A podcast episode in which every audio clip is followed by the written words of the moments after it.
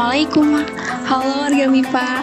Gimana nih kabarnya? Semoga selalu dalam keadaan sehat dan tetap semangat ya walaupun sedang berpuasa. Setelah podcast kemarin tentang apa yang kita cari dalam hidup, kira-kira kali ini bakalan bahas apa ya? Hmm, ya betul banget. Podcast kali ini bakalan ngebahas hal-hal yang berkaitan dengan bulan puasa. Gimana nih puasanya warga MIPA hari ini? Sudah ada yang bolongkah puasanya? Atau jadi tidak bersemangat kuliahnya? Apalagi ya keba yang kebagian kelas pagi atau sore. Berat banget pasti. Pagi masih ngantuk dan sore perutnya sudah mulai keroncong. Nah, tapi apa pun itu harus terus semangat dan jangan jadikan puasa ini sebagai alasan untuk bermalas-malasan. Nah, di podcast kali ini, aku gak sendiri nih, tapi ditemani sama Bulani. Beliau merupakan salah satu dosen farmasi di FMIPA Unisba. Uh, Assalamualaikum. Waalaikumsalam, Silmi. Ya nih, uh, saya sama Bulani ingin sharing terkait mengapa sih bulan Ramadan itu menjadi bulan yang sangat istimewa. Ya, baik, Silmi tadi mengapa bulan Ramadan bulan yang istimewa istimewa? Uh, mungkin kita harus tahu dulu uh, awal mula apa namanya ya uh, surat yang memang memerintahkan kita untuk berpuasa di bulan Ramadan yaitu Quran surat Al-Baqarah ayat 183 eh, Bismillahirrahmanirrahim. Ya ayyuhallazina amanu kutiba alaikumusyamu kama kutiba alal min qablikum la'alakum tattaqun. Wahai orang-orang yang beriman diwajibkan atas kamu berpuasa sebagaimana diwajibkan atas orang-orang sebelum kamu supaya kamu bertakwa. Nah, di sini kan ada kata diwajibkan ya. E, diwajibkan itu berarti kan e, siapa sih yang mewajibkan? Berarti yang mewajibkan itu adalah yang menyeru kan tadi ada wahai orang-orang yang beriman. Berarti yang mewajibkannya itu yang menyeru orang yang beriman. Yang menyerunya itu adalah Allah. Nah, berarti di sini Allah, Allah itu yang menyeru, Allah itu yang e, mengajak, Allah itu yang mengundang orang-orang beriman untuk e, berpuasa di bulan Ramadan, untuk berada di bulan Ramadan. Allah yang mengundang, berarti kita sebagai apa? Kita sebagai tamu ya. Berarti kita sebagai tamu undangannya. Berarti bagaimana ya seorang tamu itu kepada yang mengundang itu berarti harus sesuai dengan uh, kan Allah yang mengundang berarti Allah pribuminya ya? Allah yang memiliki Ramadan tadi ya? Berarti kita sebagai tamunya itu uh, harus uh, bagaimana melayak pantaskan diri kita gitu ya? Atau ya karena terpilih orang-orang beriman ini kan orang yang terpilih. Jadi melayak pantaskan diri kita supaya diri kita ini sesuai kan gitu sesuai dengan kehendak pribumi tadi. Nah pribuminya Allah gitu ya. Nah kalau uh, sesuai dengan kehendak pribumi maka Allah teh kan uh, tadi dimuliakan kan? Tamunya teh dimuliakan oleh Allah teh. Berarti betapa uh, mukmin itu istimewa dimuliakan oleh Allah. Nah sehingga Allah akan memberikan baiknya Allah murahnya Allah memberikan berbagai macam sajian. Nah sajiannya itu apa? Setiap nafas itu dinilai sebagai ibadah gitu ya. Bahkan tidur juga bisa jadi ibadah gitu. Kemudian eh, amalan-amalan diterima, doa-doa itu dikabulkan dan di bulan Ramadan ini ada satu malam yang jauh lebih baik kan dibanding seribu bulan gitu ya.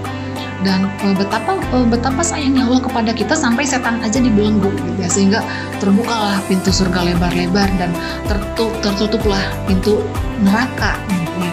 Nah, itulah e, yang menyebabkan kenapa sih uh, kok Ramadan ini uh, merupakan bulan yang sangat istimewa.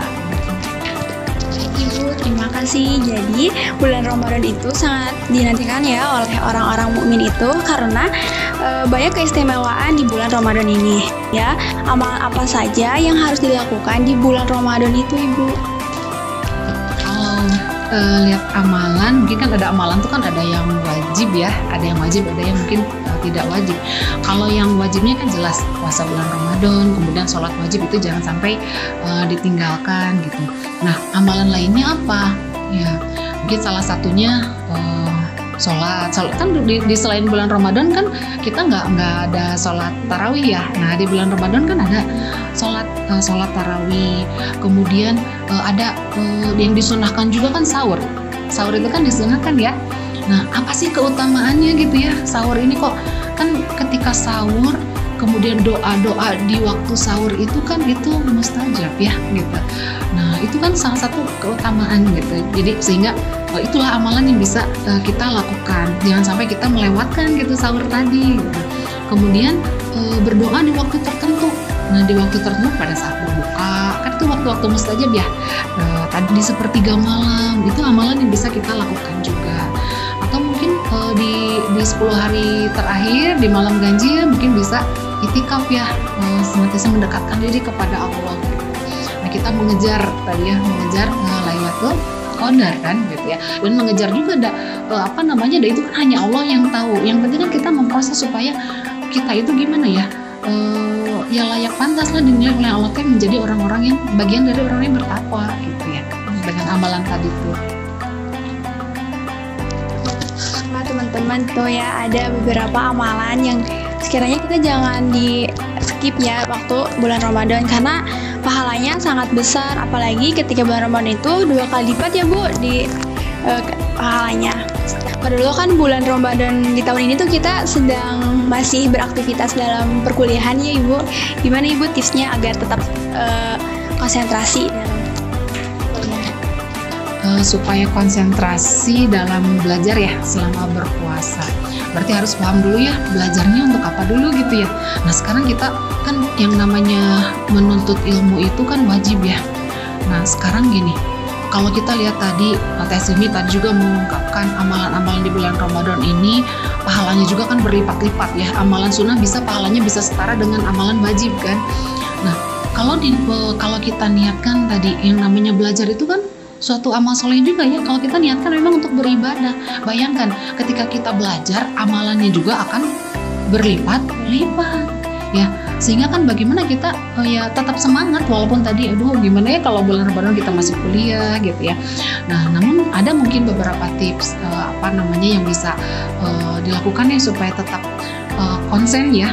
Nah si, uh, pertama tadi dipegang dulu nih uh, niat niatnya tadi gitu kan. Oh ya ini kan kita belajar itu kan karena ibadah. Kita ingat itu amalannya itu akan uh, berlipat-lipat ketika belajar di bulan Ramadan sehingga akan menumbuhkan semangat ya dalam diri kita ya untuk tetap belajar. Jadi tak kenal rintangan walaupun lapar walaupun haus gitu walaupun lemas tetap gitu belajar.